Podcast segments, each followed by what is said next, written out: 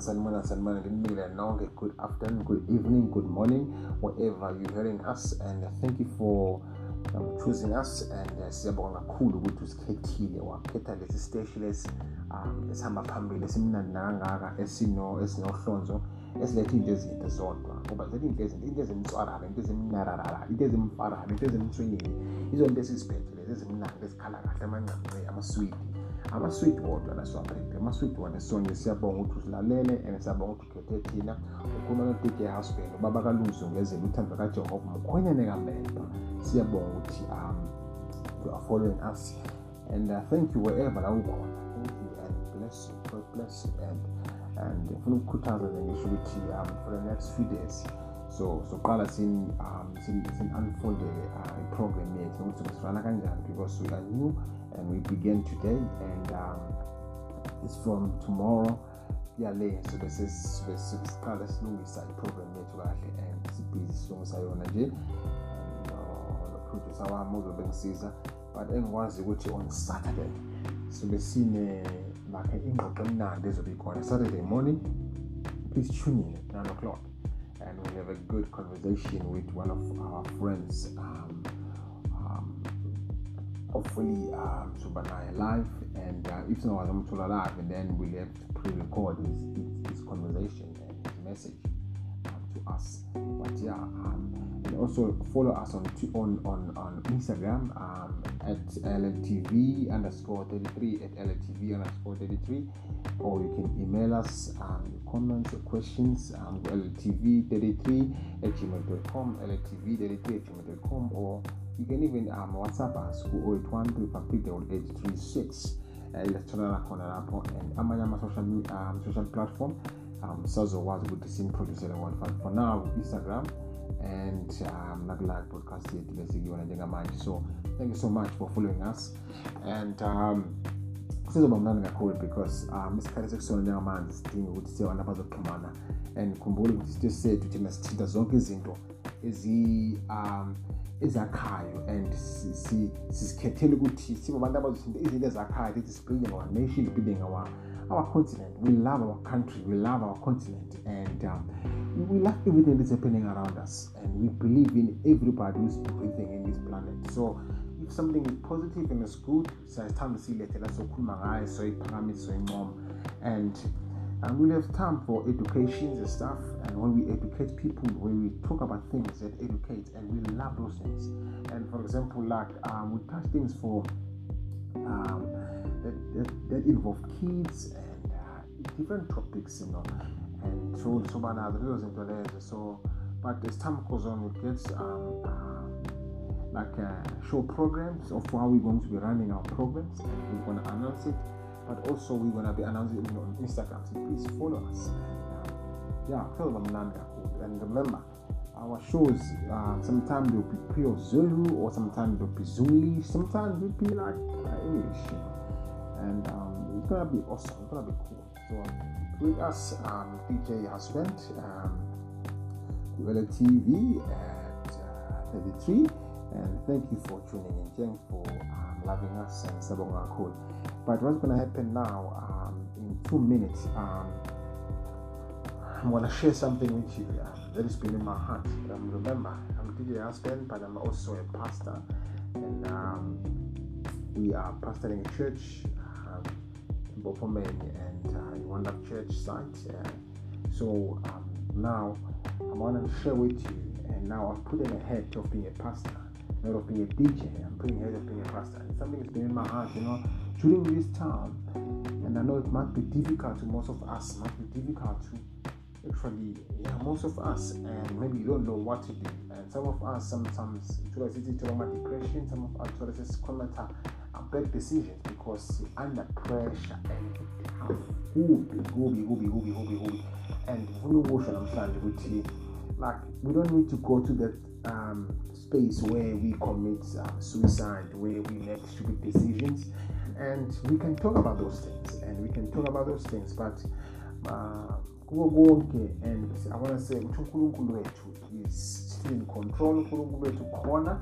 Unkulunkulu wethu uyasithanda. Unkulunkulu wethu um he's there you know and it's not ukuthi uvaleka amehlo it's not ukuthi ithanda lakhe ziboshiwe unqunywa izandla or but unkulunkulu wethu is there and ifuna ukhuthaza ukuthi um don't do anything because you think it's right. Don't do anything because you think it's gonna we need to commit our ways and we need to trust unkulunkulu. Kunevesi that i really love etholakala um, proverbs proverbs chapter 3 um, it's verse number 5 elithi trust in the lord with all your heart and i love that part because it says trust. That means ukuthi trust with all your heart. And i love even though i'm not an english speaker i'm not even uh, english is not my first language but when i say all that means ukuthi everything.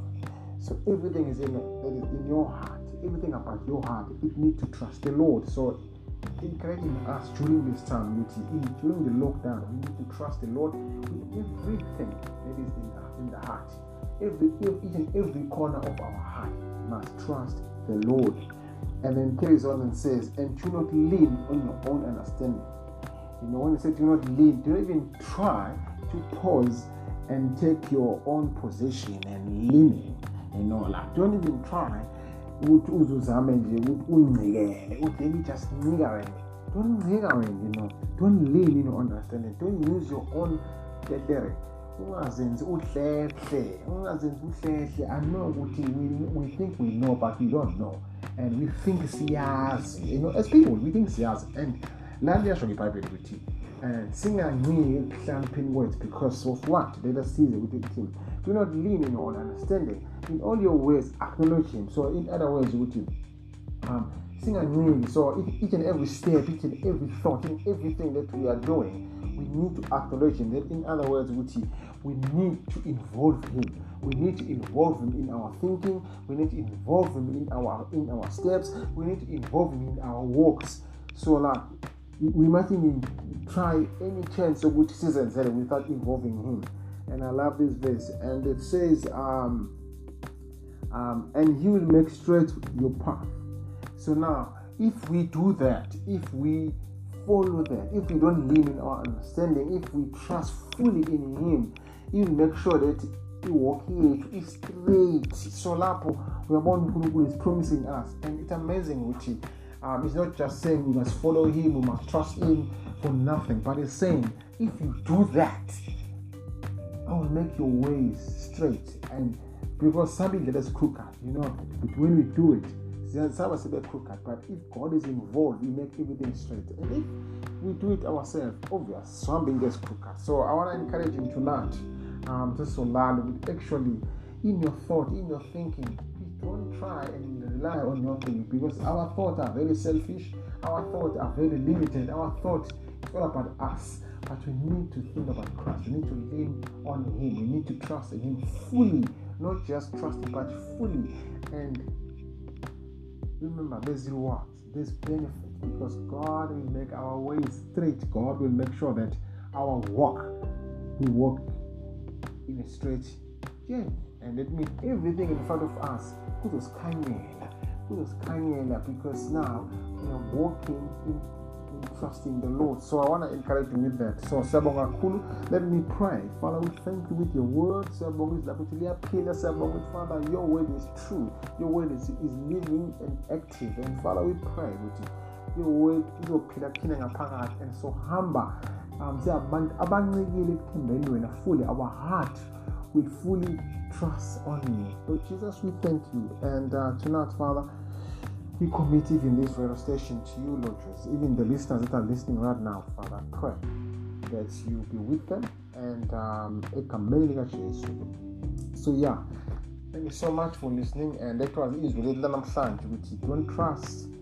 Don't try and lean in your own understanding. So think about it in everything that you do um, tonight. And i hope would you encourage and I hope would you take a step as as qhubeka kusuka namhlanje. And um, remember remember remember to follow us. Remember to contact us and uh, don't yeah don't forget to whatsapp us as well because sobe sikhona si live and um, you can even still get ama ama ama ama messages ethu are recorded if you come and click on our, our links. Uzowathole khona and listen of our conversation ebesinawo you know and um, siyabonga kakhulu and ngifisa nje ukuthi ikhuthaze um bonke njengamanje namangene emaklasini abafundayo othisha bethu. Do you know othisha bethu they're doing amazing thing ukuthi um, they are teaching online and siyabonga ku-technology yo ikhathi esiphila kuzona njengamanje it's amazing it's amazing ikhathi esiphila kuzona and i wonder if this thing happened during my time because during my time if ngikhumbula i don't think computer ikhona e-primary school engangifunda kuyona. I, can't even remember because i've been ema-staff rooms akhona. I've been to ama-offices but angiyikhumbuli icomputer angiyikhumbuli icomputer. I'm trying to remember. Um, no i don't even remember. Even at my high school i don't even see the computer in front of me. I can't even picture it. So that how bad it was during my time. And this thing happened. Just now where the technology is on the peak and that othisha bayafundisa besemakhaya. It is amazing and it's amazing that we can adjust. Ingane zethu zizokhula zihlakaniphile ngempela because um zizosebenzisa amakhompyutha njengamanje wazi ukusebenzisa ama-skyping or-zoom zonke lezo zinto and it's great. It's another generation. Sometimes akumele sibheke the bad part yokuthi kunesifo esihaqile but funa also sibheke nokuthi um isifo sitheme sifika and then saforca us ukuthi and to think out of the box and and forcing abantu ukuthi ba-adapt kwi-fourth industrial revolution because now we all going to technology all going to um, cyber and it's amazing it's amazing. So well done to all the teachers that are involved um, involved in teaching online and god bless you and God give you wisdom of how that have never used computers or they've never been on the on, on the internet. And um, God uh, bless you and guide you and walk with you during this time. And to those little kids, well done, well done, my brothers and, and my sisters, well done, little ones, um, for um, keeping time of studying and making sure you prioritize those time. You go and play, you go and do stuff, but you also come and sit in front of the computer and listen to your teacher.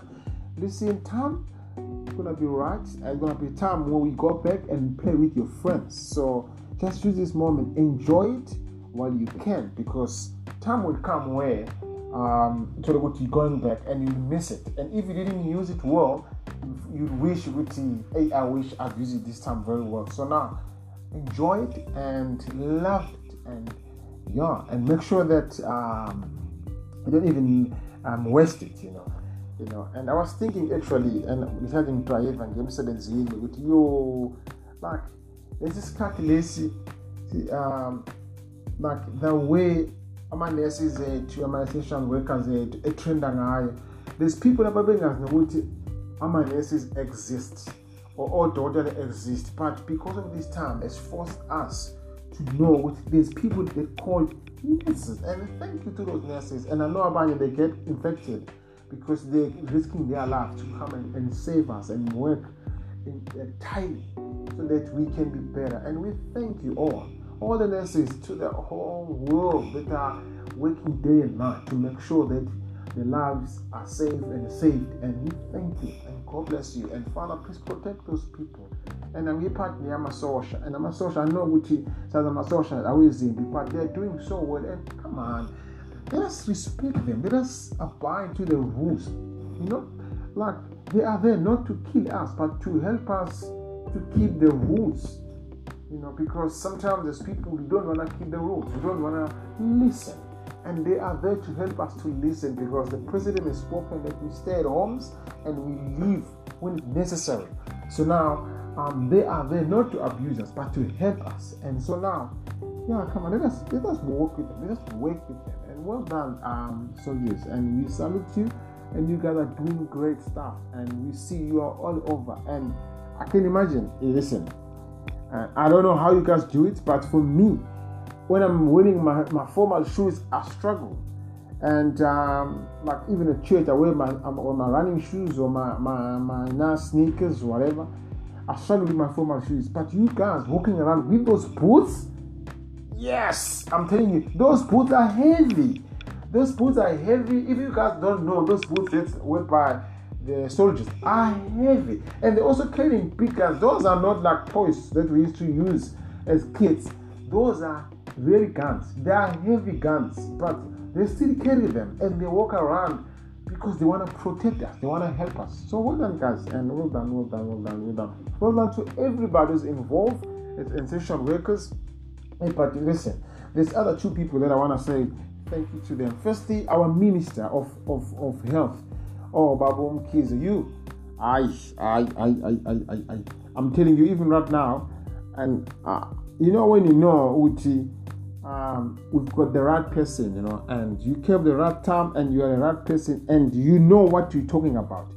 Kabazela, you know your stuff and we want to thank you and you do a great job. And I know it's in the Ashisa, obvious. It's in the Ashisa, you get critic, obvious, as people, we criticize things. And But I want to say, Uti, Tina, we sticking a positive that you do and you are doing a great job and thank you for updating us every day, every hour, every time. So you're doing amazing and sabonga kabazela and uNkulunkulu akubusise. And sifisa ngathi uNkulunkulu nakakuvikela kakhulu akuvikela during lesi sikhathi lesi. As LLTV we're saying thank you thank you thank you thank you. And um, to our president come on. I think the whole world everybody you hear this message. Engafisa bakushayela izandla ezinkulu president you're amazing. Um, you're amazing and unkulunkulu ukunikeza ukuhlangana kwesimanga. Upresident ohlakaniphile upresident um okukhama upresident owaziyo izinto azenzayo. And unkulunkulu akubusise and aphinde akugcine nje akulondolozele so that sisazoba nawe because ubuhlakani onabo anokuthi kuningi okusazokwenzeka osazosifundisa kona e-south africa nasemhlabeni wonke. And anokuthi uphethe igqoko ezimbili uphinde ube uchair we-au and it's not an easy job but you're doing a great job because of what you are doing right now. Thank you so much, President. And um, we pray for you, Father. Uh, we pray for our President with you.